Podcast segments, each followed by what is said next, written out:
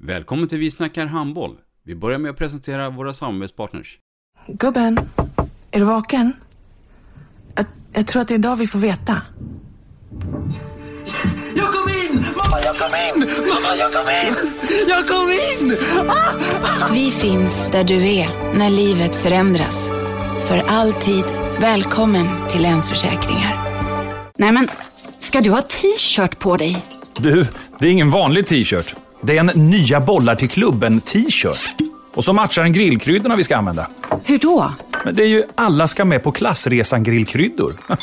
Stötta barn och unga. Shoppa på newbodyfamily.com.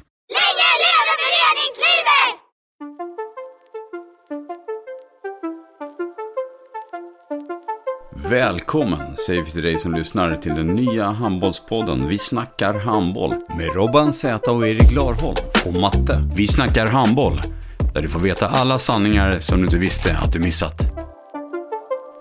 Vi snackar handboll. Idag i programmet Vi snackar handboll så är det lite eh, annorlunda. Vi befinner oss i IFÖ Arena i samband med finalspelet i, eh, och med ungdoms-SM. Och för att krydda det så har vi ju två stycken handbollsnördar med oss. Vad säger Matte och Erik? Ja, vad säger vi? Vi säger väl att vi har en eh, spännande gäst, en eh, internationell gäst. Mm. Säger jag i alla fall. Ja, en gäst som eh, ursprungligen är från Norge och eh, som numera är efter en lång och härlig spelarkarriär eh, och numera är svensk förbundskapten för herrlandslaget. Så varmt välkommen Glenn Solberg. Tusen hjärtligt tack. Glenn Solberg, född 18 februari 1972 i Drammen. Vem är det? Låt oss höra nu. jo, tack, eh, tack för att få lov till att, att vara här. Jeg jag är en um, enkel man från Lier, 50 år gammal, två barn på ehm, snart 16 och 19 år. Jag har spelat handboll i uh, Norge, Tyskland och Spanien. Uh, jag har varit tränare de siste åren både i norsk klubbhandboll för norsk uh, landslag och nu för det svenska herrlandslaget. Ja. Jag tänkte vi skulle, vi kommer komma till det. Jag tänkte vi börjar lite grann eh, när du var som en liten pojk, eller som vi säger i Sverige, grabb. Grabb. Eh, berätta lite om familjen Solberg. Ja, nej, vi... Eh, jag började spela handboll när jag var 11 år väl. Och då spelade jag fotboll och handboll eh, helt till jag var eh, 17, 17 år, tänker jag. Eh, upptatt av allsidighet. Tror det att driva fler idretter. Jo längre du gör det, jo bättre är det. Så um, jag blev introducerad för handboll när jag var 11 och ja, mestret det ganska bra, ganska snabbt. Så det, det gick framåt fort och kom med på yngre landslag när jag var um, 15 och var med på mästerskap med yngre landslag och um, till slut också herrlandslaget. Så det har varit en uh, spännande resa med handbollen och gett mig väldigt mycket både på och utanför banan och har varit en viktig del av min, min historia. Men jag, jag är inte riktigt nöjd där för att uh, jag tänker du Valet att det skulle bli handboll var inte så kanske enkelt för att vad jag förstår så var du en liten stökig liten pojk. Stökig liten pojk? Ja, jag vet inte om jag varit så stökig, men uh, det är, uh, det är, idrotten är viktig, viktig för ungdom och barn och det var också väldigt viktigt för mig. Det, det, var, det gjorde en liten skillnad att komma in i idrotten. Mm. I tidig ålder så, så, så var väl en del ting jag gjorde som inte hang helt ihop och man var på fel på väg i fel riktning men idrotten fångade mig in och mm. goda, goda förebilder, goda tränare Eh, och goda lärare var som eh, tog tak och, och jag blev sett eh, av goda tränare och kom in i ett idrottsmiljö som var väldigt bra och det, det, det var värdefullt för mig och mm. är värdefullt för, för de allra flesta ungdomar. Är det någon ledare eh, som du vill hylla lite grann som, som du kan nämna här i podden som, som verkligen tog hand om dig när du var som liten tonåring? Ja, det er flere. eh, Men eh, fotballtreneren min, Anders Eggum, han er ikke med oss i dag. Men han eh, var en ekstremt viktig del av min oppvekst. Og var, eh, var den personen som virkelig så meg og tok vare på meg. Og det Han, er en, han var en fantastisk person og menneske og en flott fotballcoach. Hur, eh, hur talangfull var du i fotboll? Varför blev det handboll? Ja, det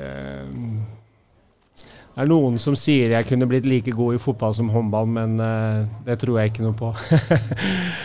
Nei, det ble et naturlig valg når jeg kom med på yngre landslag. eh, at eh, jeg fikk mer oppmerksomhet. Jeg ble, mer, ble sett på en annen måte og kom med på et landslag, og det ble jo litt større enn en, en, en fotballen. Mm. Det ble litt naturlig. Reistad är ju din moderklubb. Och där hann du med att spela igen. grann. Men sen så blev det en samarbete mellan Reistad och Drammen. Berätta lite om den resan. Det eh, var ju starten på min seniorkarriär. Eh, och vi fick ju, Vi var ju så heldiga och fick en eh, fantastisk coach från Ista och, som heter Kent Harry Andersen. Som som bygde opp Drammen eh, til det det ble. Uh, Starta i norsk uh, andredivisjon, da. eh, andre nivå. Og bygde et lag som til slutt vant eh, en europacup. Som første lag noen, noensinne, uansett i lagidrett i Norge, vant en europacup. Så det, det var en fantastisk fin reise med med både kultur og lagbygging og ikke minst treningskultur. Um, Kentari, han, det var vel han som lærte meg alt om det meste om håndball, i hvert fall. Mm. Mm. Vad, vad har du för minnesbild, Erik, av eh, Glenn som spelare? Jag såg Drammen spela i eh, Göteborg på någon träningsturnering när jag som liten pojk sprang runt och tittade på alla matcher som fanns. Eh, jag kommer ihåg det. Jag kommer ihåg Glenn spela mitten och eh, Drammens, visst hade ni H2-tröjor? Ja, jag tror det. Stämmer, stämmer. Eh, Sen så rullade det på där med landslaget på eh, 90-talet. Eh, VM, VM 97, matchen mot Sverige, starka minnen. Men det var ju... Kombinerat med Nordon så var det ju eh, inte så konstigt nu med facit i hand att det blev förbundskapten, att det blev eh, tränare, för att det var ju spelmotorn nummer ett. Eh, Norge var ju inte lika bra på handboll på den tiden, tycker jag i alla fall. Mm. Men det var ju ändå en, en spelare tillsammans med Frode Hagen som, eh, som egentligen var Norge mer eller mindre. Och det var rätt spännande att se faktiskt. Det blev några år med Drammen eh, innan proffsäventyret. Var det ett självklart val att du skulle välja proffslivet? Eller hur gick det till? Jeg har egentlig aldri hatt noe eh, stort eh, mål om å bli profesjonell. Eh, jeg har spilt håndball fordi jeg tykker det har vært kul og morsomt og hatt fantastiske spillere og trenere rundt meg. Og jeg fikk jo tilbud fra flere toppklubber i en periode etter suksessen i Drammen, men ja, jeg turte ikke helt å ta sjansen. Så, så når Northorn kom på banen og Kent Harry som da var min eh, trygge coach, eh, eh, tok meg med til Tyskland. Da følte jeg det var riktig, og ja, angrer ikke på det. Vad var största skillnaden eh, Norge-Tyskland då? Og mye mer kynisme. Jeg vet ikke hva man ser på. Mye hårdere, mye mer kynisme eh, i tysk håndball. Man fa- fighta for seg selv og tenkte mindre lag eh, og mer som konkurrenter. Det var mer levebrød for, for spillerne. Eh, det var Ja, jeg har et arr her ennå av eh, midtbekken i Norton på første trening som tok, tok for seg. Ja. Handboll är som bekant en tuff sport här då. Eh, Matte, har du en minnesbild av, av eh, Glenn som spelare? Ja, att han var, fram, att han var framträdande. Han var... Ja, han hade ju en central roll utifrån att han var mittback som man säger i Norge, eller mittnia som vi säger i Sverige. Mm. Och var väldigt central i, eh, i både, på både klubbnivå och eh, i landslag under lång tid. Och har, eh, ja, han var, var en- verkligen en som man såg upp till på handbollsbanan. Mm. Jag tyckte också att han var ett föredöme liksom, utan ut, hur han hur han bete beteendemässigt på banan liksom. Det var aldrig några skandaler kring Glenn liksom, utan det var... Nej, jag tycker att eh, det är en eh, spelare som, när man tänker tillbaks på det, ja, det är var varma minnen. Mm. När du tänker tillbaka nu när vi sitter och pratar så här, så det är ju några år sedan. Um, om du hade stannat kvar i Norge och inte valt Tyskland i det läget, vad tror du Glenn hade varit då? Alltså, mm. Vad är din teori? Vad tror du? Nej, det, det, det er veldig vanskelig å svare på. Um, men um, jeg opplever selv at jeg har tatt veldig, veldig gode valg opp gjennom tidene i forhold til idretten. Og alltid uh, tatt valg ut ifra mine, mine egne verdier. Uh, og ikke vært opptatt av penger eller status eller suksess, men jeg har vært opptatt av hva som er bra for meg og, og det jeg står for. Så det er vanskelig å si hva jeg hadde gjort eh, ellers, men eh, ja, jeg har vært heldig. Om du ser tillbaks på tiden då i Nordhorn för att kanske avsluta just den klubben. Vad har du med dig för starka, vilka minnen är starkast därifrån? Det er, eh, det er, eh, det er helheten, syns jeg. Det er den derre eh, det, det, at vi bygde noe fra bunnen der også. Bygde noe fra tysk annendivisjon til å ta et sølv i Bundesligaen med med en klubb som børja i en liten gymsal i, i Northorn til uh, å bygge en helt ny hall med fulle tribuner og slå uh, Kiel i uh, enkeltmatcher og ta sølv det siste året, da, hvor jeg påstår i dag at vi hadde fortjent gull, men det, det ble ikke det. Har du mye kontakter kvar i Nordhorn i dag? Eller? Ikke mye, men jeg har, eh, jeg har god kontakt med, med, Bernt Richtering, som da var leder i klubben. Og, og no, en del av spillerne som jeg spilte med der, da, med, mm. som Jesper mm. Larsson og Andreas Larsson. Det var mye svensker. Eh. Det blev ju 118 matcher med Nordholm och 306 mål. Eh, karriären där slutade 2002. Samma år som Sverige blev Europamästare i Globen. Men Solberg, du väljer att flytta mera söderut. Barcelona. Mm. Här får du gärna berätta hur det gick till. ja. Det var ju eh, Det var jo lite tuffa tider i Norton ekonomiskt sett, så det, mm, det, gjorde att Barcelona kom på banan. Eh, klubben eh, hade problem ekonomiskt och då, då är det vanskligt att takke nei til en klubb som Barcelona. I mine øyne den verdens største håndballklubb, mest suksessrik i klubben. og Fantastisk by, fantastisk klubb og store muligheter. Så det, det var også spennende år i, i Barcelona. Ja. Hade man, eller har man, eh, eller jag tänker, hade du agent på den tiden som hjälpte dig då, eller sköter man det allting själv? Jag hade, hade agent, ja. Som ja. Och, och, han eller hon har följt dig hela tiden? Unnskyld. Gjør ingenting. Unnskyld. Uh, nei, jeg har hatt, jeg har hatt litt forskjellig. Uh, forskjellige agenter, men uh, det var en agent som hjalp meg med den kontrakten. Så det var faktisk litt spesielt, for jeg har et, en, en, et hjerteproblem, en hjertesyndrom, som heter Wolf Parkinson White, og det, det visste jeg ikke om. Så når Nei for første gang i min karriere jeg gjorde en ordentlig helseundersøkelse i, eh, i Barcelona, så fant de ut av det. Og da ble det da ble det faktisk eh, litt uro og litt usikkerhet rundt om de ville skrive kontrakt. Men eh, vi fant ut at eh, jeg hadde spilla med det i 30 år, og det var ikke farlig, så da, da ble det kontrakt til slutt. Mm. Har du gjort en operasjon i överhuvudtaget för den åkomman eller? Jag har försökt uh, faktiskt två gånger. En gång i Barcelona, en gång här hemma i Norge och, och försökt uh, att bränna bort och göra den uh, tappen som ska bort i uh, hjärtat. Men uh, de har inte fått det till. Det, det ligger komplicerat till så jag mm. får, jag får pröva igen. Mm. Lämna Tyskland, tyska språket, det blir spanjor. Hur var den övergången där, att byta land också? Det, det syns jeg, gikk, eh, syns jeg gikk bra. Det er gøy å lære nytt språk og lære ny kultur. Og jeg elsker jo varmen, jeg elsker god mat og godt drikke, så det, det passa meg veldig, veldig bra. Eh, Språket jo, var jo klart at det, det tok jo litt tid før man kom inn i det. Mm.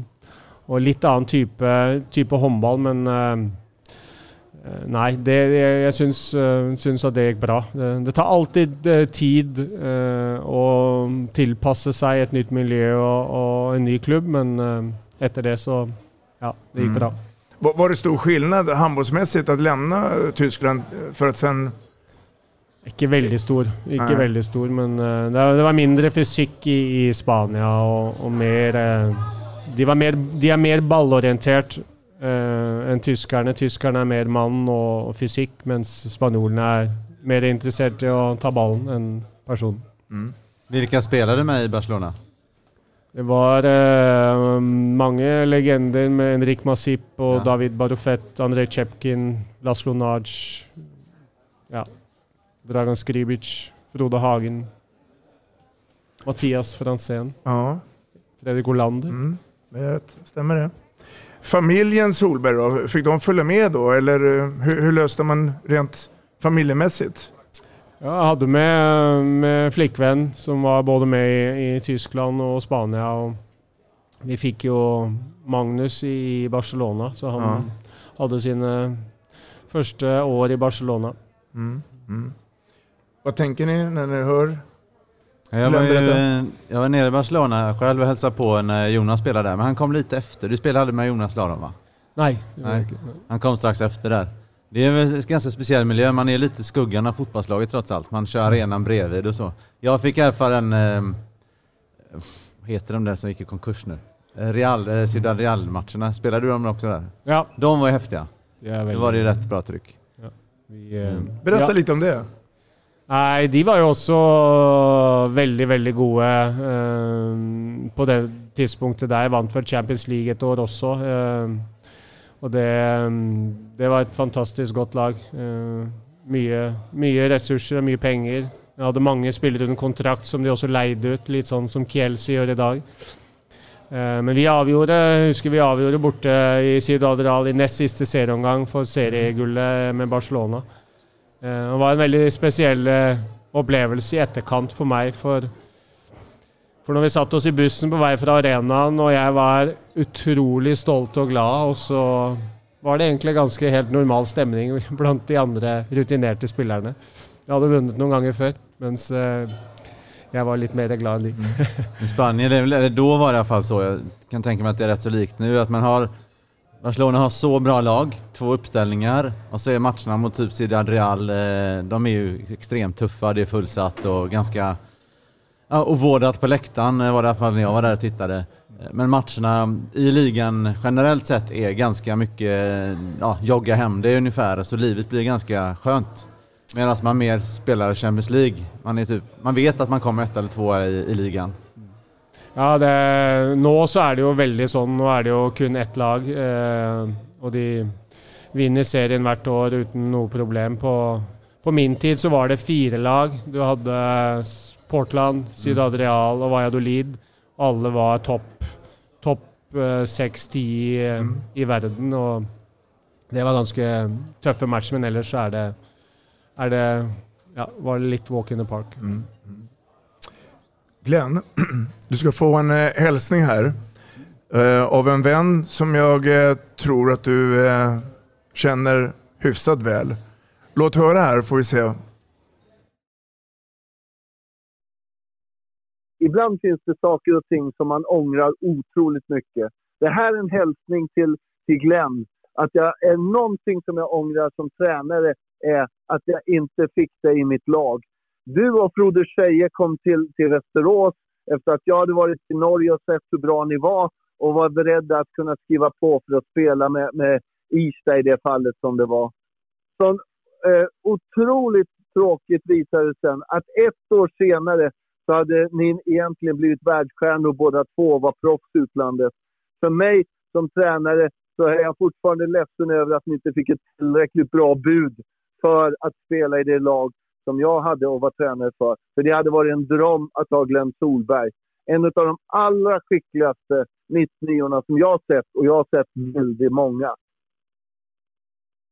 Ja du Glenn, vem var det där då? Det var eh, selve legenden eh, Hellgren. Eller? Ja, Claes Hellgren. Ja. Det är rätt det.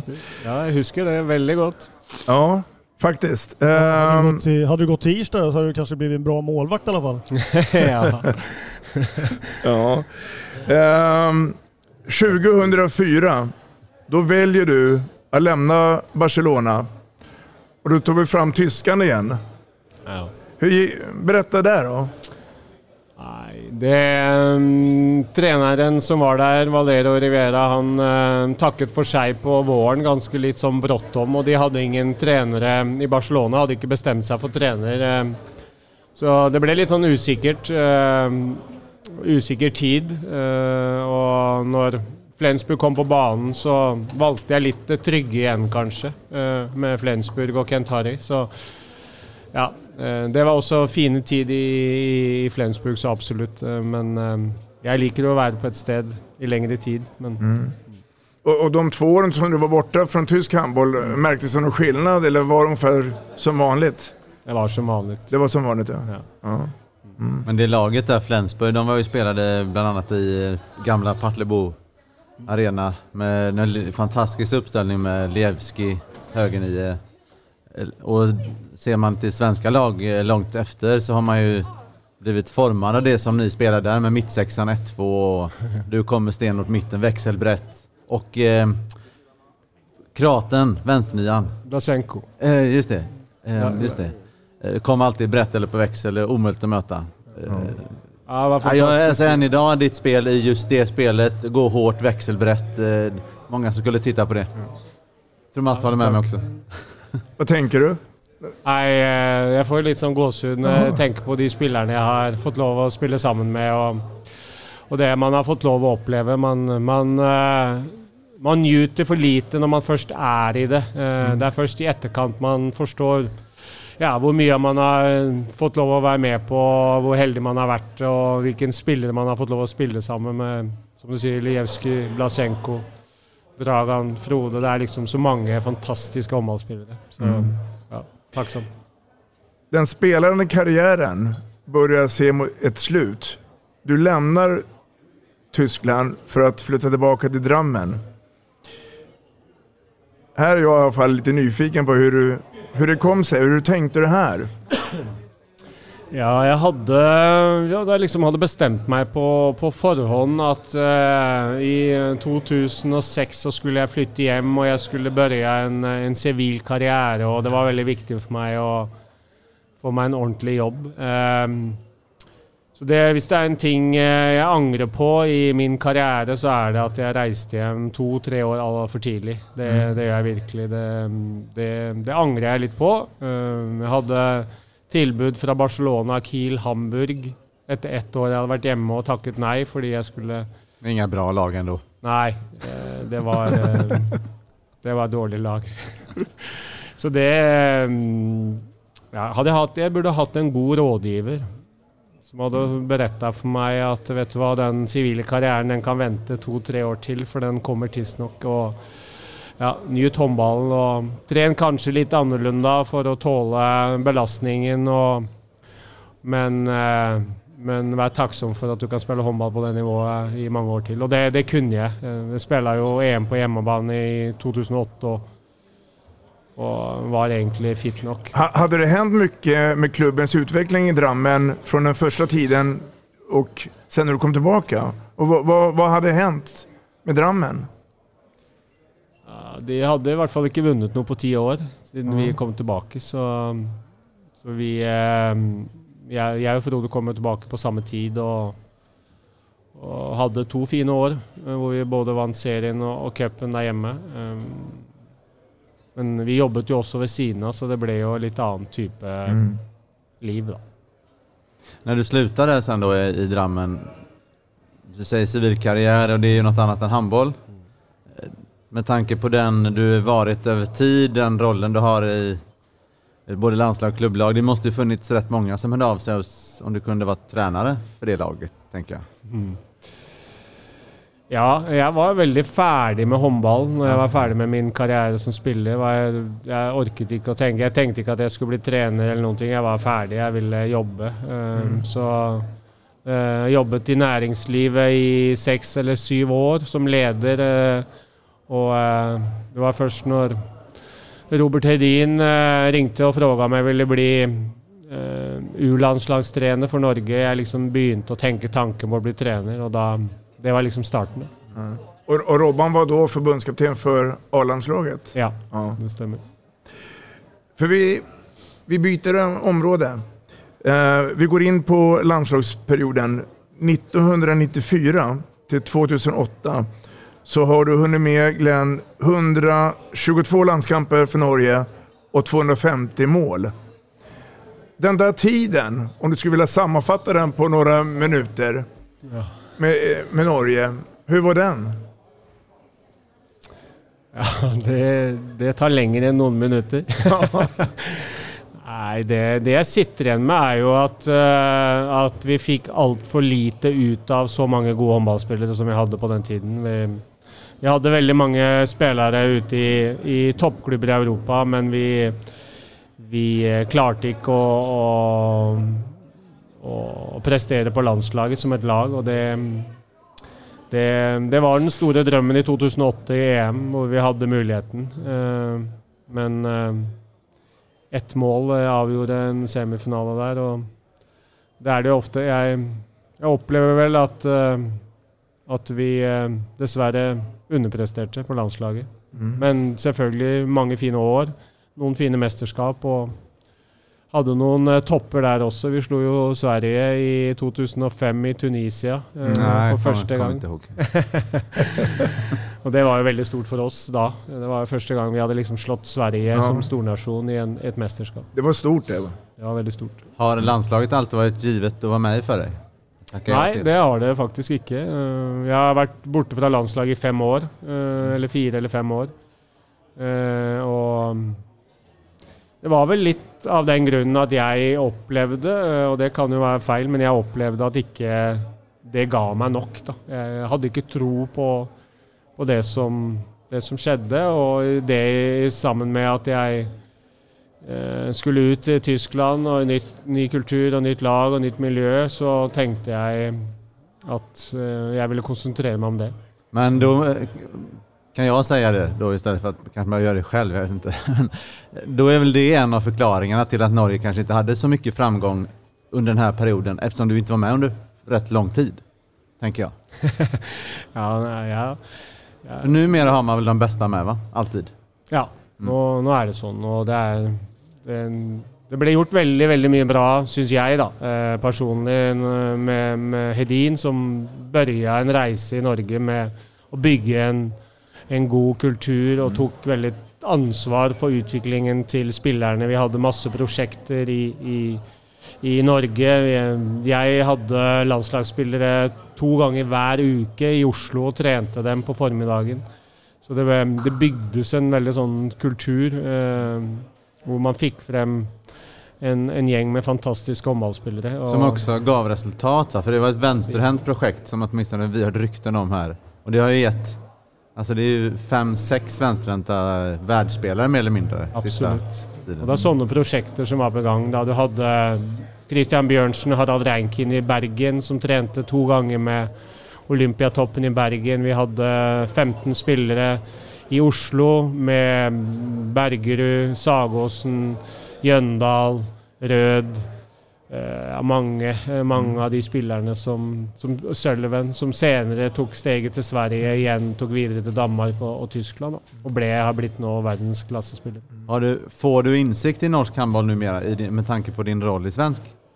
Ja, lite, men ikke, ikke så tett Nej. som jeg har hatt, dessverre. Det är inget projekt med mittnior på gång i Norge då? Alltså det är inte, jag ska inte såga norska mittnior, men det är ju inte lika bra och framförallt inte samma bredd som de andra platserna. Nei, det er veldig stor forskjell. Er Mye større bredde i Danmark, Sverige. Danmark spesielt, Sverige også. De har inte frågat dig med tanke på då att du är gammal mittnia att ta ett sånt? Nei, men jeg har tenkt på, veldig tenkt på det selv. Eh, Det å, det å eh, utbilde midtnier. Eh, Det, er, det finnes Det er veldig få. Väldigt få igen. Det, som, som hade det som ja, Sorman hade, som Balic Ja. hade. Eh, det som svenska mittnior också hade förr, nu har ju Jim Gottfridsson det men eh, det känns som att handboll blivit så individuell så att man tappar det där som mittnior egentligen är som bäst på, eller bra mittnior. Se spelet, göra andra bättre, styra. Ja. Jag är helt enig. Och det, eh, jag tror det är extremt viktigt att ha en tydlig ledare som, som, kan, som kan det och spela andra och styra laget och spela andra bättre. Det, det, det är som du säger väldigt, väldigt individuellt. Vi må, vi må lära, lära ungdomen att bruka färdigheterna i samhandling med andra, inte bara för sig själv. Matte, jag tänkte vi skulle knyta säcken här och, du får runda av eh, Glens eh, spelarkarriär. Eh, och sen ska vi gå över på ledarkarriären här. Mm, Känner vi att vi har fått med allting? Ja, det gör vi.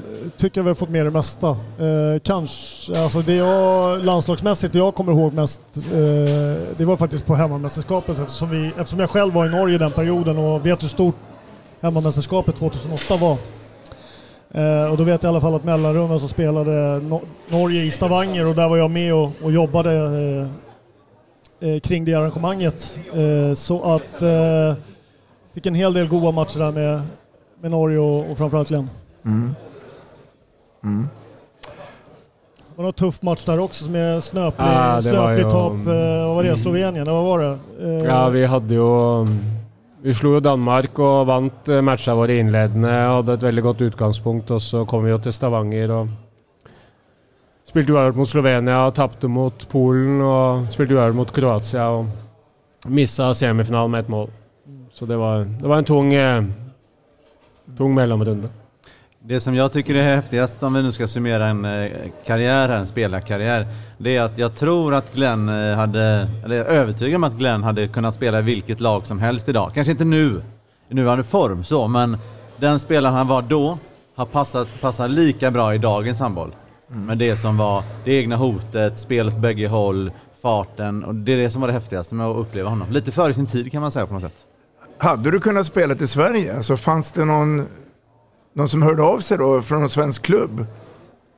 Det var ju eh, Irstad då, i eh, Claes Ja. Helgren. Det var den enaste. Som Claes är, precis det. ja. Men jag tänkte på de här eh, mer etablerade klubbarna då? Nej, inte som jag kan huska. Nej. Nej. Nej. Då byter vi ämne. Och då tittar vi lite grann i eh, historien. Tränar Glenn. Norge 94 till 2008. Nej förlåt, eh, 2015 till 2019 med Halvard OK. Nu byter vi ämne här. Tränarrollen. Hur, hur hamnar vi här? Det var eh, först och främst eh, Robert Hedin som eh, ringde mig och frågade om jag ville, ville bli eh, U-landslagstränare. Han hade en, hade en filosofi om att han önskade att få in eh, spelare som hade varit på översta nivå in i de yngre landslagen som kunde visa ungdomen vad som krävs för att nå toppen. Och, och eh, det var starten. Eh, och det var otroligt roligt. Då hade jag ju 94-95 landslaget med, med Sagåsen och Bergerud och Göran Johannessen och Stig Tore. Och det, var, det var ett väldigt gott landslag, så det var, det var, det var kul att vara med på. I tillägg så tog jag och, och tränade en, en norsk förstedivisjonsklubb i en period också. Ehm, och det, det var också spännande. Det, en klubb utan, eh, utan resurser och ekonomi. Var allt från dugnader och till träningar till organisering av träningsleir och hade hela packa. Så det, det var en lärorik eh, tid det. Mm. Den, den norska klubbhandbollen idag och då har det förmodligen hänt rätt mycket. Eh, vad, är, vad är den stora skillnaden ty- tycker du att, eh, med den norska klubbhandbollen? Vad är det som har hänt? Det är väl först och främst Elverum som verkligen har eh, vist eh, väg och utvecklat sig till att bli en, en eh, Champions League-klubb faktiskt och gör det bra i Champions League. Eh, inte topp eh, sex, men de är, de är faktiskt och, och spelar goda matcher mot de bästa och det, det väldigt imponerande. Väldigt imponerande. imponerende. Uh, har byggt, eh, byggt något från bunnen, och det syns jag är väldigt moro. Eh, och nu börjar ju andra klubbar att hänga sig på. Du har ett Kolstad-projekt i Trondheim hvor de skal uh, hente hjem det norske landslaget. Så det, det, blir også veldig spennende å følge. Mm, mm. Og, og, den satsingen som Kolstad gjør nå oppe i Trondheim, tror du på den?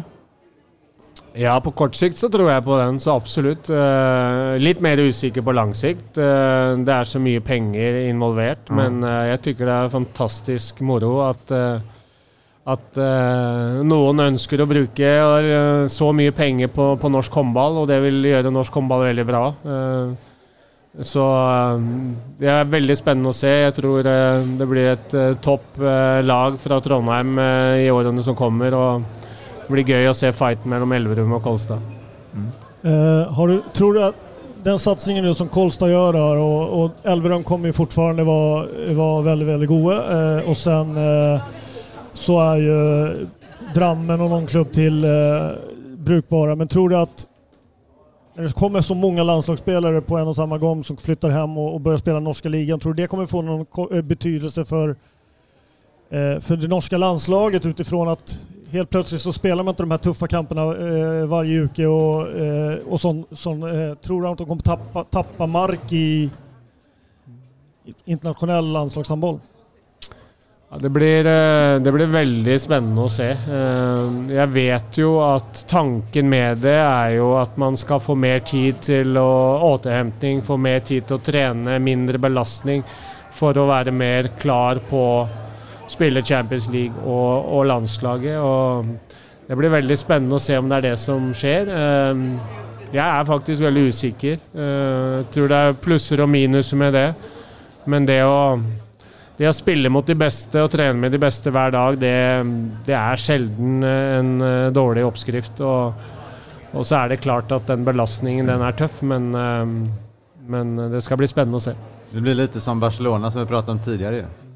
At ja. man kanskje har mera Champions League-matcher og så videre å, å ladde for. Mm. Ja, det blir litt sånn at, uh, at uh, det blir kun Champions League-matchene som uh, blir en utfordring. Og, og da må man kunne klare å opprettholde kvaliteten da, på, på, matcher i ligaen, på treninger hver dag, uten å bli pusha. Og det, det er ikke så lett, tror jeg. Sen det den där belastningen med å ha tuffe kamper i klubbmiljö Eh, visst, eh, flyttar man hem och får lite mer återhämtning och så mellan kamper och, och, det så är det en sak. Men när du kommer sen till ett mästerskap, då är det kort återhämtning mellan matcher i två och en halv vecka. Mm. Och då, eh, om man inte är van till det, så kan det bli en, en chock också för kroppen mm. att eh, ja, Mm. Det gäller faktiskt att inte bara vara bra i, i början på ett mästerskap utan det gäller att hålla ut över tid, över tid mm. eh, fram, till de, fram till de heta matcherna på slutet av turneringen ska spelas. Får då förutsätta att man hinner träna mer då. Inte bara ligga hemma och vila mer utan att ja. man tränar för att orka det. Ja. Det blir ju två år som assisterande förbundskapten för Norge Eh, 2014 till 2016 med Berge. Berätta lite om den tiden.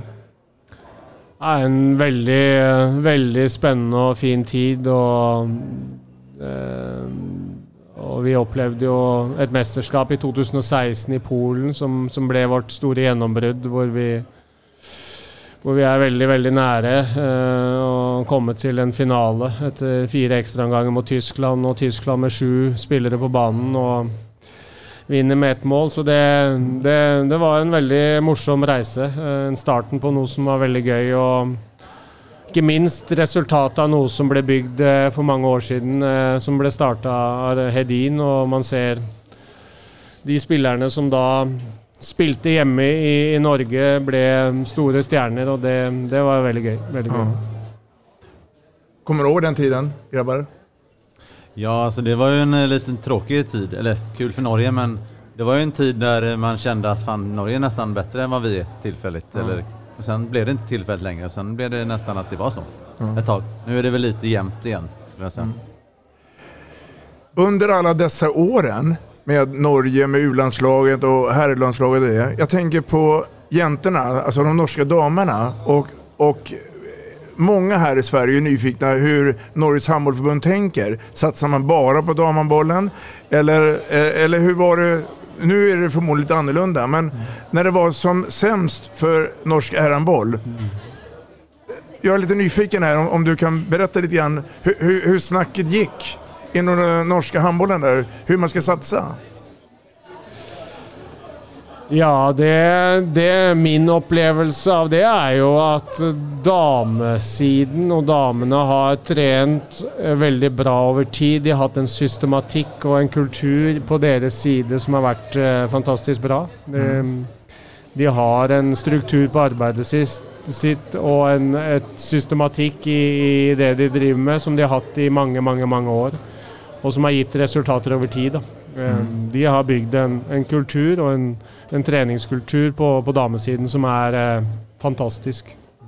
Så det, det er det jeg har opplevd som store forskjellen fra, fra dame- og herresiden i Norge. At eh, damene har har eh, skapt en treningskultur og hatt en systematikk i arbeidet sitt i mange, mange, mange år. Och om vi skulle sitta här tillsammans om 10-15 år, tror du att det är ungefär samma synsätt då? Eller, eller har Norge förstärkt sina positioner internationellt ännu mera? Ja, nu är ju jag svensk förbundskapten, så alltså jag är mer, mest upptagen av hur vi ska göra det framöver och jag hoppas att vi ska göra det bra. Så att, eh, det är klart att eh, at eh, Norge blir, så måste vi också höjna, höjna oss. Men eh, Norge kommer helt sikkert til å, å være bra i både dame- og herrehåndball i fremtiden også, så vi får eh, vi får bygge vår kultur i Sverige og bygge, bygge noe som varer over tid her også. Mm. Någon kommentarer? Ja, men alltså, utifrån i alla fall som, som svensk så är det ju som, som Glenn säger att damernas, eh, vi är uppe i rätt många år. Man har gjort någonting som har givit en, eh, en lägsta nivå som är väldigt hög. Dessutom man har byggt upp en fysik som gör att man orkar mästerskap. Något som, eh, tycker jag med den ungdomserfarenheten jag har med U-landslag och landslagsspelare hit och dit, att det är för lite för få som förstår, ska man vara med i ett landslag så måste man orka med ett mästerskap när det är saker varje dag. Man kollar lite på en match i veckan istället. Så jag tror, också utifrån sett, att det är fler herrar de sista kanske tio åren förstod det. Det kan ju vara, det är bara en killgissning som Mm. det heter, men Mm. det har åtminstone sett ut så på banan. För man har ju varit bra när det gällt på slutet mästerskap också och orkat det. Trots att man kör med ganska få spelare i sista mästerskap i Norge. Ja, Jag kan väl säga det utifrån att eh, jag var i Norge fem år mellan 2005 och 2009, eller 2004 och 2009. Och eh, det var ju på den tiden där eh, kanske inte norsk herrhandboll hade liksom riktigt tagit det sista steget för att vara, eh, vara uppe och slåss i toppen och sådär. Och Det som slog mig när jag kom som svensk till Norge det var ju att damhandbollen, det, var, det skrevs ju betydligt mer damhandboll i, i, i tidningar och sådana saker på grund av att de hade ju världsstjärnor som var hemma i Larvik var ju väldigt stora på den tiden och hade ju ett fantastiskt lag och, och, och sådana och, och såna saker. Och det, det, det, det, de go, mest goa här spelarna var, in, var inte i, Nor i. Norge och spelade då. Så att just i skrivna pressen och massmedia så var ju, alltså var lite ovan för mig svensk, damhandbollen större än herrhandbollen Mm. vid den här tidpunkten. Ytterligare Idag är det väl ja, förlåt. 50-50 kan jag tänka mig. Ytterligare kommentar är alltså norska damlandslag, eller tjejlandslag, när man spelar UJ-landskamper, de är bra. eh, Men eh, de är inte överlägsna på något sätt. Frankrike, SU och sådär, det är lite jobbigare, Ungern och så. Men Det känns som att man har en mer långsiktighet, eh, att man tränar på. Och så hittar man då, eh, som Reistar nu, eh, en eller två superstjärnor per ålderskull. Och så blir det in i landslaget och in i det som redan är bra. Och så Mm. blir det någon slags kontinuitet i det. Med, med en ledare som varit med ett bra tag och som vet vad som funkar. Det är intressant. Nog många som skulle kunna göra ungefär likadant. Om det nu går.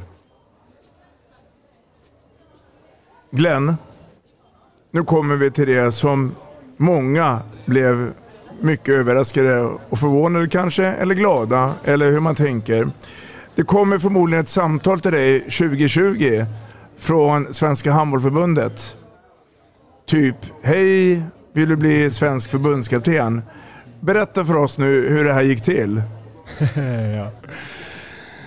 Det var väl faktiskt i eh, 2018. Jag fick den telefonen i november 2018 och mm, Stefan Löfgren som ringde och lurade på om jag var intresserad i att bli svensk förbundskapten.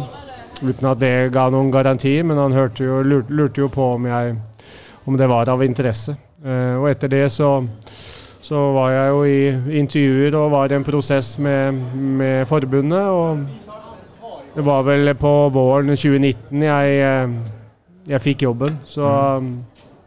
ja, jag husker jag stod på köket den torsdagen och fick besked av Wedberg om att eh, jag fick jobben. Det, det var en fantastisk känsla. Vad, vad sa familjen på hemmaplan då? Lycka till pappa, åk Ja. iväg. Eller nej, nej, nej, nej, du kan ju inte bli svensk. Nej, de var eh, extremt stolta och var glada på mina vägnar. Absolut, Eh, det var de. Det, jag kände själv att det var, eh, var på tide. Det var eh, ja, eh, väldigt, väldigt konstigt men jag blev väldigt stolt och väldigt glad. Jag kände att det var, det var förtjänt. Ja, nu undrar jag, har barn och kona, har de svenska landslagsdräkter nu eller har de fortfarande norska? Ja. Nej, de, de hejar på Sverige. Det är ingen, det är helt klart. Det är, inte, det är ingen fråga faktiskt. Det, Nej. och så ska det vara. Och då säger du ja till Sverige och herrlandslaget.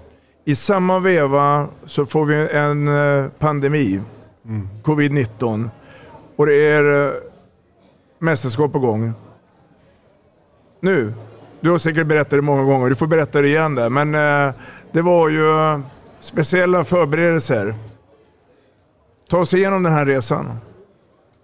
Ja, det, ble, det var ju väldigt, väldigt speciellt, eh, helt klart. Eh, det var, det var en pandemi, det var lite, lite tid till förberedelser, det var lite tid till eh, racing, men jag, eh, jag startade ju eh, med en, en stilling från 2019 hvor jag var på hösten 2019 ute och besökte alla spelarna och snakket med dem och berättade om mig själv och hur jag såg på, på min jobb och min, mitt ansvar. Och samlat eh, hela landslaget i, eh, i Hamburg i mars 2020. 9 mars 2020. Och vi sammen snakket bara om eh, verdier och hållningar och hur, vi skulle ha det sammen. Eh, en dag etterpå så kom pandemin och från då så var det väldigt lite tid till handboll. Vi samles, vi hade en EM-kvalik i november. Mm hvor det blev testing og en träning och två matcher och, og eh, utfordrende uke. Men eh, vi kom oss igenom med seier mot Romania och Kosovo. Og det blev bara värre fram mot eh, VM. Och VM husker vi jo alla. Då tränade vi mer én en och en och två och två än vi tränade som lag. og och hade väl en eller två träningar för VM-premiären. Um, Så eh, det har varit uh, utfordrande, spännande, väldigt lärorikt och eh, en fantastisk resa. Det må jag säga. Du berättade att du träffade alla spelare under hösten där och, och organisationer kring ledarna behöll du med assisterande och, och läkare och hela den här biten. Ehm, v- vad hade ni för mål, alltså sportsliga mål inför det mästerskapet? Sportslig mål eh, Vi snakker väldigt sjelden resultatmål när vi är samman. Vi snakker om hvordan eh, Vi snakker om prestasjonsmål. Hva er det som ska till för att vi ska prestera på vårt eh, øverste nivå? Eh, men vi, vi hadde et ønske om å komme videre til, til mellomrunden. var vel eh, den stora sånn sportslige målet för for vår del i VM. Eh, Men, men vi, er opptatt av, vi er opptatt av verdier, vi er opptatt av holdninger, vi er opptatt av hvordan vi skal bete oss i forhold til de tingene vi har blitt enige om. Eh, gjør vi det, så vet vi at vi er eh, et veldig godt håndballag som, eh, som kan slå de aller beste. Eh, Og det har vi også klart å vise da, i, i en del matcher nå. Blev ni överraskade av utfallet på VM 2021 i Kairo? Mats och Erik?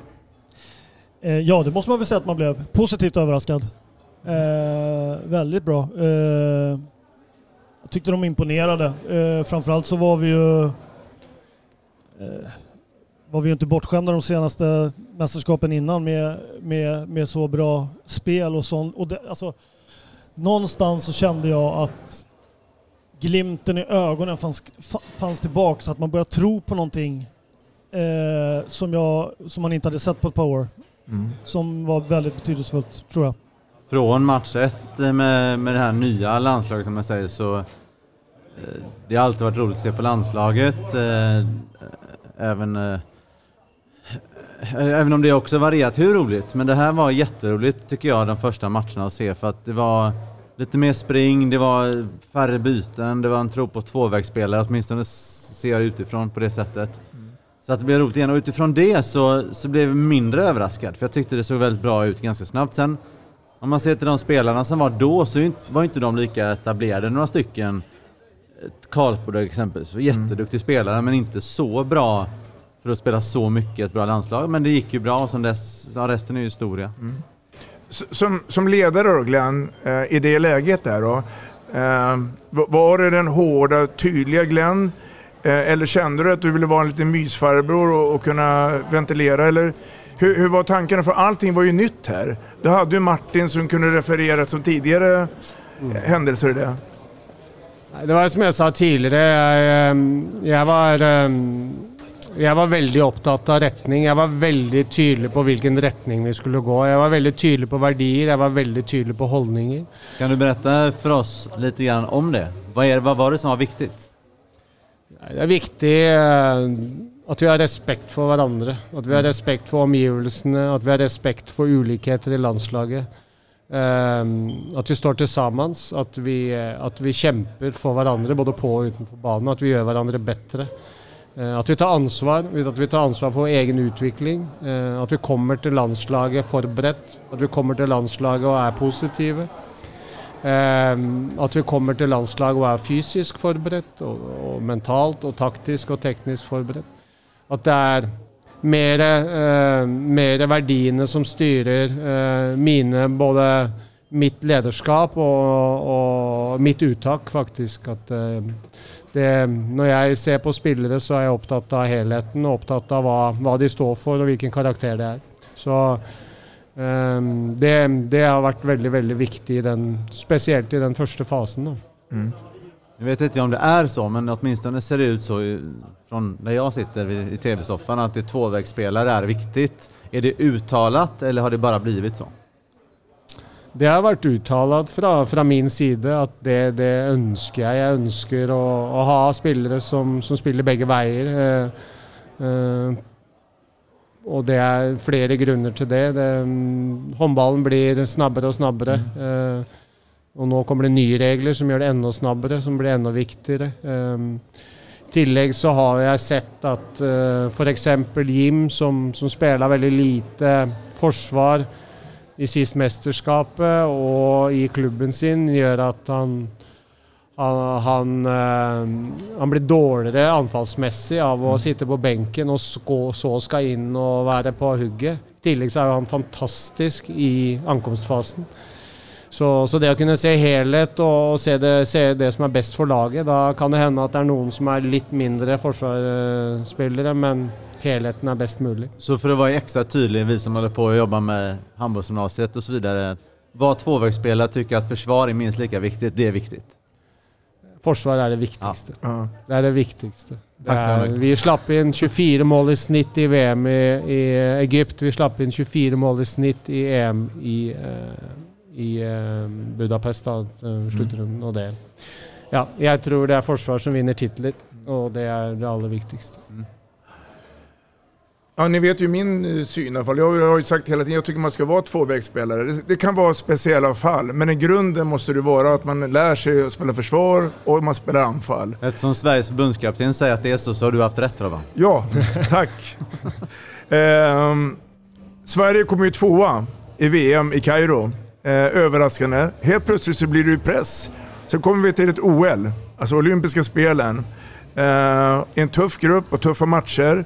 Jag tänker vi, vi går inte in så mycket i, i, i den detaljen för då blev det helt plötsligt ett, ett jagat byte.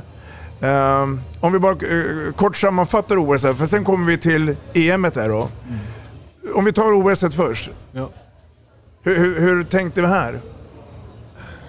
Nei, Vi visste jo at vi kunne være med og slåss i toppen hvis vi spelade på vårt beste. Og hade hadde noen drømmer når vi, vi kom dit, selvfølgelig.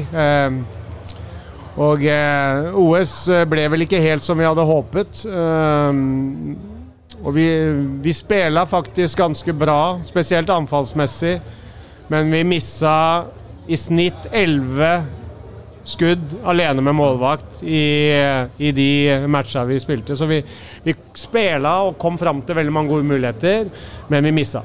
I tillegg så var vi ikke like bra bakover, eh, både verken målvakter og forsvarsspill. Vi hadde ikke gnisten, vi hadde ikke det trøkket bakover som vi, som vi hadde under VM. Og ja, det, det fattas 5-10 eh, som, eh, som ikke fikk frem eh, den sommeren, dessverre. Varför? Det, er, eh, det, det tror jeg henger i hop med flere ting. Jeg tror det henger i hop med forventninger til oss selv. Eh, Jeg tror det henger i hop med at eh, det har vært en pandemi og en veldig veldig lang sesong Ja. hvor du, hvor du er sliten, rett og slett. Og det, det så litt sånn ut. Vi- Type forsvar som vi spiller, så er vi veldig avhengig av å være med full energi og full kraft og, og være godt trent. Ehm, når det, vi ser at vi mister så mange leger, så tenker vi at det er litt mentalt, eh, som du sier, i forhold til forventninger og den delen. Ehm, Men det är liksom typiskt svenska eh, alltså man, kynnet på något sätt. Mm. Alltså det, det, svenskar och eh, jag tycker att det finns så många exempel på det att vi är fruktansvärt bra. Slår, slår underläge där man vill uppnå massa saker och sen när man får press på sig och måste uppnå massa saker så, så blir det oftare att man inte på något, på, på något sätt lyckas få fram det bästa som, som, som finns där. Och det, kanske, det kanske inte är så jäkla konstigt egentligen att det blev ett sånt mästerskap där man ja, måste göra mål på alla, alla 100% lägen och helt plötsligt så blir det att man missar 11, 11 på match eller vad det var i snitt. Då. Eh, Så att, eh, ja, jag håller nog med. Det var väldigt, fortfarande väldigt bra spel men eh, tillfälligheterna var inte riktigt med oss. Vi leder jo 29-24 mot Spania når det er en 11 minutter. og Det er liksom Små ett- marginaler. Ett mål fra semifinale, så Ja. det, det, er, det er marginer. Det er marginer. Men då, då kommer vi till det också spännande ämnet. Sverige och OS är en förbannelse. Eh, även om man har fyra silver. Men EM är ju guld värt för Sverige. Och apropå guld så vet vi vad som hände. Uh, och då är det ju så att hur, hur kan det komma sig då att helt plötsligt tar man då ett EM-guld? Från att sen eh, tidigare under OS var lite backline på det hela. Det är intressant. För jag tror att det beror på mycket. Du ska få säga sen Glenn att, att uh, säsongen, du var inne på det, och OL ligger oftast mitt i sommaren. Det är ingen bra melodi. Å andra sidan är det lika för alla. Men det skulle vi kunna prata om hur länge om, kanske ett annat skede. Men vi tar oss nu till EM. Ja. Ja, du bara eh, skakar på huvudet. Ja, det, det er jo fantastisk eh, mesterskap fra vår side. Vi Spesielt forsvarsmessig så er vi jo har vi, spiller vi på et veldig veldig høyt nivå hele turneringen. Eh, begynner bra mot Bosnia. Eh, mindre bra match mot Spania, selv om, selv om han ikke var veldig dårlig. Men vi kaster bort 13 baller, te 13 tekniske feil som, som egentlig bare er helt avgjørende. Hadde vi hatt ni, så hadde vi vunnet matchen. Eh, men det er alltid noe. Eh, men jeg syns vi blir bedre og bedre i turneringen. Vi kommer mer og mer inn i det. Vi, vi spiller bedre og bedre da, eh, Mm. utover. Det var klart, eh, Jeg husker jo Norge-matchen som kanskje en av de største øyeblikkene, hvor vi Vi vinner de siste seks minuttene med fem, fem baller og, og ja, drar oss videre til en kvartfinale. Kände du att, att pressen på Sverige var, var stor inför det här mästerskapet kontra olympiska spelen?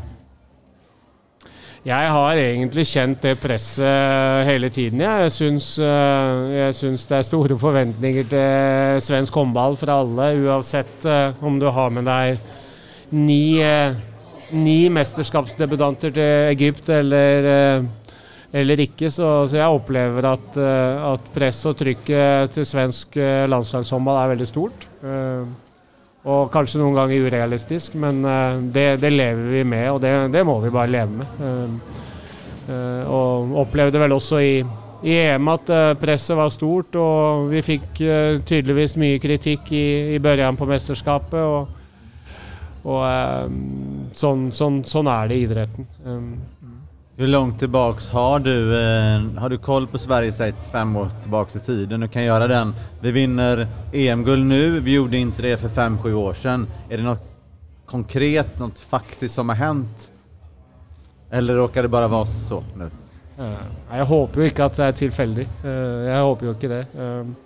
Men jag, jag kan ju bara berätta vad jag tror på, vad jag har gjort. och, och som jag har sagt här nu från, från starten så är det, har jeg et verdibasert lederskap, og det er det, det jeg tror på, og det er den retningen jeg ønsker å jobbe. Eh, og det finnes mange veier til rom, det vet jeg. Det er mange måter å få suksess på, men jeg, jeg må gjøre, gjøre det jeg tror på, på min måte, og gjøre det 100 og, og da, er jeg, da kan jeg se meg selv i speilet og, og, og være fornøyd. Og det handler om å, og, og vise tillit, gi tillit, gi ansvar og bry meg om mennesker. Eh, og være opptatt av at vi, at vi beter oss på et bra sett i forhold til de tingene vi har blitt enige om. At vi, vi har et, eh, en verdigrunn som, som vi alle tror på, og som, eh, som vi følger 100 og Det er vel det jeg opplever som vår styrke nå, at vi er et veldig bra gruppe, en, har en sterk kultur som står veldig godt sammen. og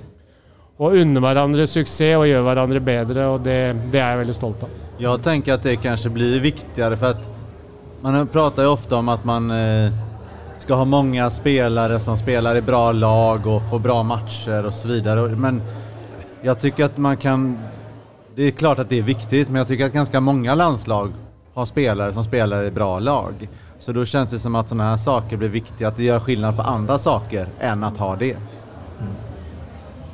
Jeg er, helt, ehm, jeg er jo veldig overbevist om at, ehm, at eh, det Som en landslagstrener med så lite tid vi har sammen, så er det lederskapet som, som kan være avgjørende for om du lykkes eller ikke. Å få en, en gruppe stjerner til å fungere sammen og ha det bra sammen. Og sørge for at de eh, så godt som mulig trener så godt som mulig i klubbene sine og, og bygger en, en utviklingskultur der hvor alle ønsker og jobber for å bli litt bedre hver dag. Det, det är jag upptatt av. Mats?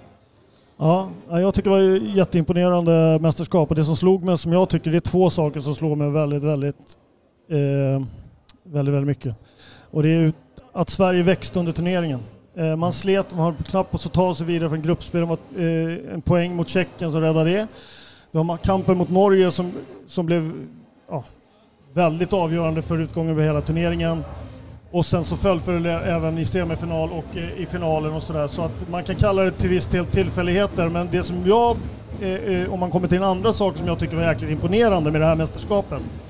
Det var situationen i truppen. Alltså när, när turneringen började så tror inte jag att det var Oskar Bergedahl, Han, han, han hade inte en garanterad minut på banan. Och så är det tillfälligheter som gör att han på något sätt blir så central och gör en sån fantastisk turnering. Du har andra positioner, får ringa in vänster, eller högervingar och vänstervingar. Pellas, eh, Persson i, i Lugi kommer dit och gör sina grejer. Och samma sak lite grann på 9 meter, att det, det kommer nya 9 meter spelare in. Och jag tror inte att det finns många andra landslag som hade kunnat gjort den rotationen i gruppen och fått ut samma resultat. Jag tror att försvinner första och andra eh, 9 meterspelarna i Frankrike, så får de, då sliter de med att få ihop helheten.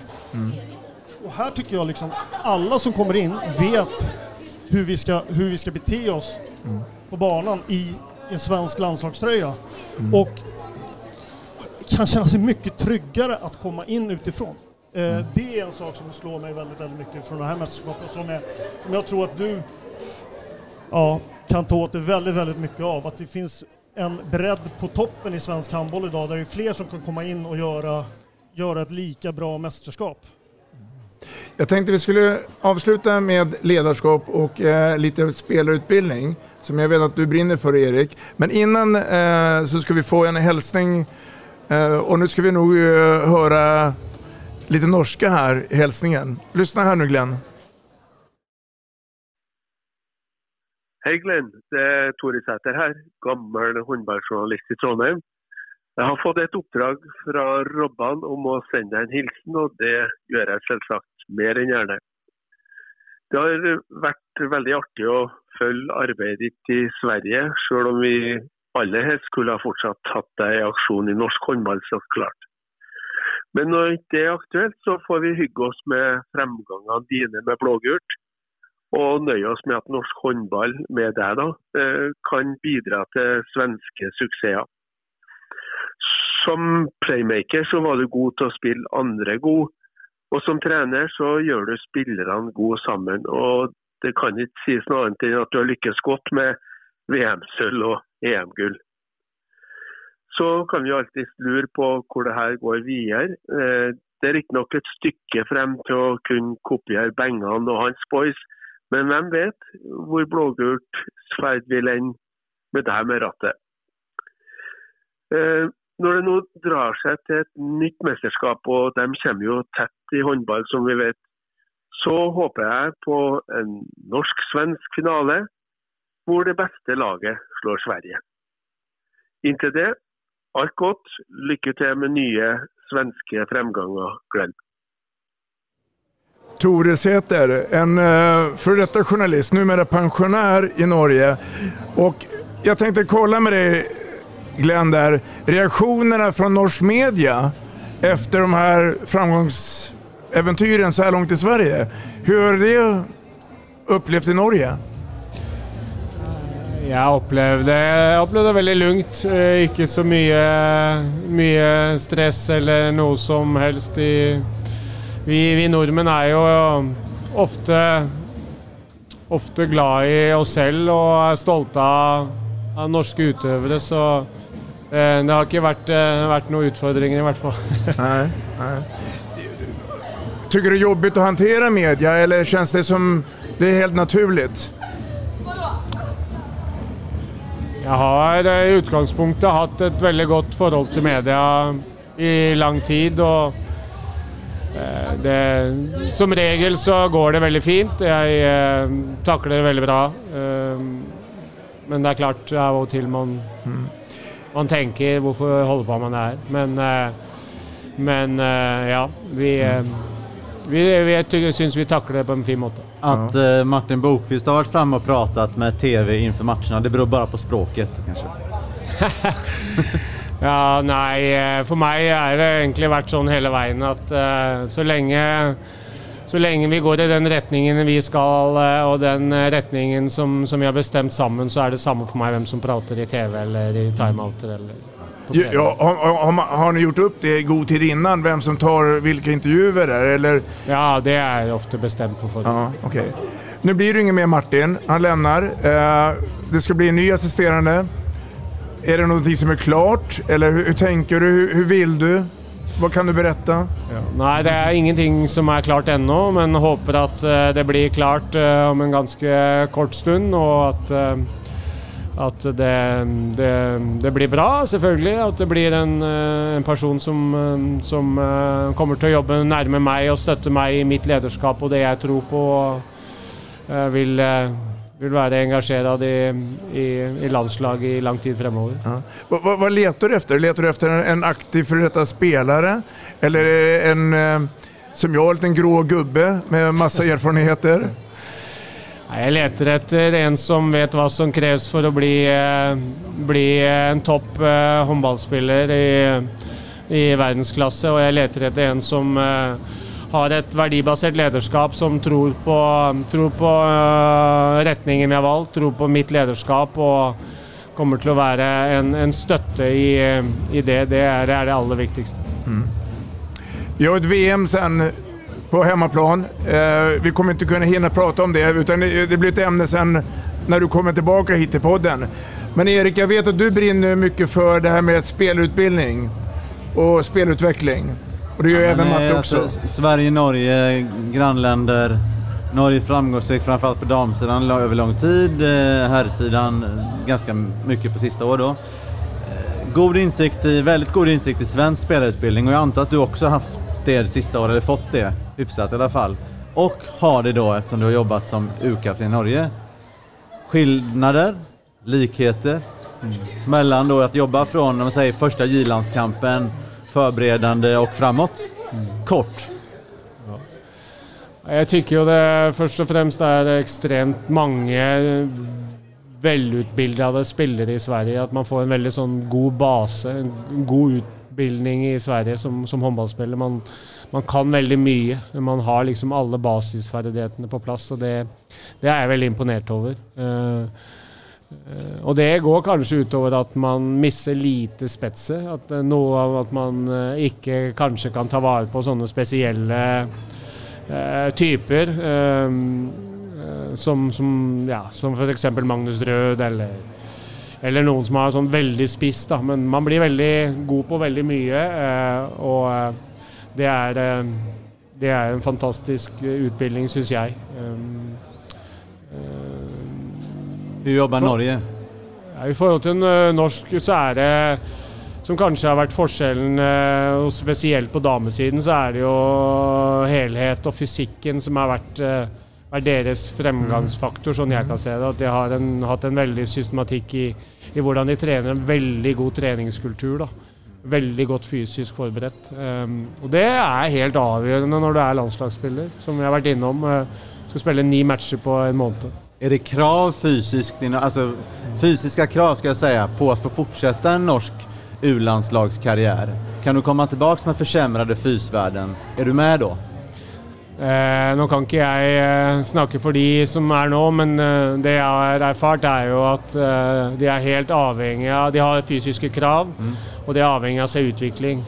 Og da har man tålmodighet hvis man ser spillere som, som jobber for å bli bedre, men ennå ikke er på kravet, så, så opplever jeg at man har eh, tålmodighet, men, men de har tydelige fysiske krav. Eh, Mm. Mer än i Sverige?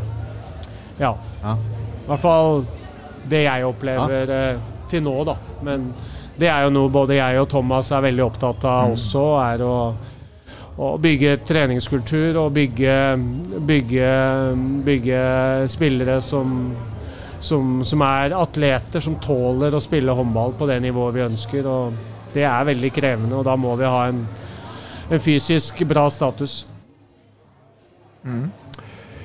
Kan svenska klubbar ringa till Glenn Solberg och fråga hej, vill du komma och träna ett, eh, en kväll? Eh, är du öppen för sådana saker om det finns tid og möjlighet? Eller? Ja, så absolutt er jeg åpen for det. Og jeg er jo Hver år så er jeg ute og besøker eh, svenske klubber og, og prater med trenere og fysiske trenere. og Forsøker å skape en relasjon og en dialog rundt, eh, rundt det vi holder på med, og berette hva, hva jeg syns er viktig, og hva, hvilken type trening jeg er opptatt av, og hvilken krav vi har. Eh, og er veldig ydmyke for at de har en annen agenda og, og eh, har ja, har et annet måte å se på trening på, kanskje. Så, så det er jeg veldig ydmyk for. Men, eh, men jeg, jeg tror jo dialog og relasjon og gode relasjoner er viktig for å skape, skape gode, gode spillere, og det, det vil jeg fortsette med. Avslutningsvis här då, Glenn. Nu när vi spelar in podden här så är vi i Uppsala, IFÖ Arena. Det är finalspel i ungdoms-SM. Många lag, många tränare.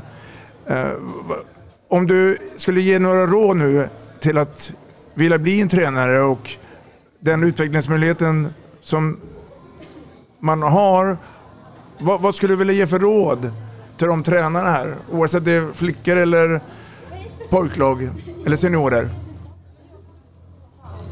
Det, det är en svår fråga, men eh, bry dig om människor. Det är väl kanske det största rådet jag kan, och viktigaste rådet jag kan ge. Det, det är att se, se alla spelarna, Få dem att förstå att at eh, om du är nummer tolv eller 1 så är du lika viktig i ett lag. Och, Försök att se alla och försök att se alla på det nivå de är och den arenan de är på. Och, håndball er spesielt. Det er mye fysiske forutsetninger, og folk er på ulike nivåer. og Hvis man kan utvikle seg i sin fart på sitt nivå, så, og vi som trenere klarer å se hver enkelt i, i det, det, det tror jeg er veldig viktig. Mats, Erik? Någon kommentar? Ja, det har väl, ja, jag är inne på samma spår, men det som det handlar om att kommunicera, det betyder ju att komma samman. Så att eh, jag tror kommunikation och lyhördhet och, och eh, se till både helhet och eh, individ och ha en förmåga att, att liksom ha lite fingertoppskänsla också. Plus att man måste också kommunicera om att man har stora drömmar att bli tränare på, på en speciell nivå. Så måste man ju låta andra veta det så att man också kan eh, ja, få en språngbreda till att, att ta de rätta kliven i rätt tid. Mm. Glenn? Det har varit en ära att ha haft det här. Tiden har kommit ikapp oss. Ehm, lycka till nu över sommaren och inför kommande mästerskap. Tack för att du ville komma hit till eh, podden Vi snackar handboll. Tack också Erik och eh, Mats. Tack själv. Och eh, ha en bra sommar. Takk i like måte, og takk for at jeg fikk komme. Tusen takk.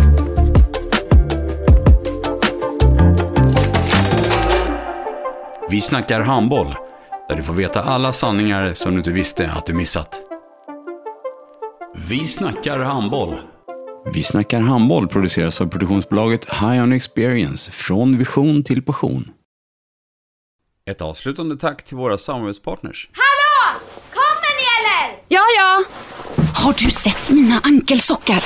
De här? Nej, nej, jag menar skridskoslip till juniorlaget Ankelsockarna. Ja, men kolla bredvid träningsläger med handbollstjejerna-t-shirtarna. Stötta barn och unga. Shoppa på newbodyfamily.com. Länge leve föreningslivet! Gubben, är du vaken? Jag, jag tror att det är idag vi får veta. Jag kom in! Mamma, jag kom in! Mamma, jag kom in! Jag kom in! Ah! Vi finns där du är när livet förändras. För alltid välkommen till Länsförsäkringar.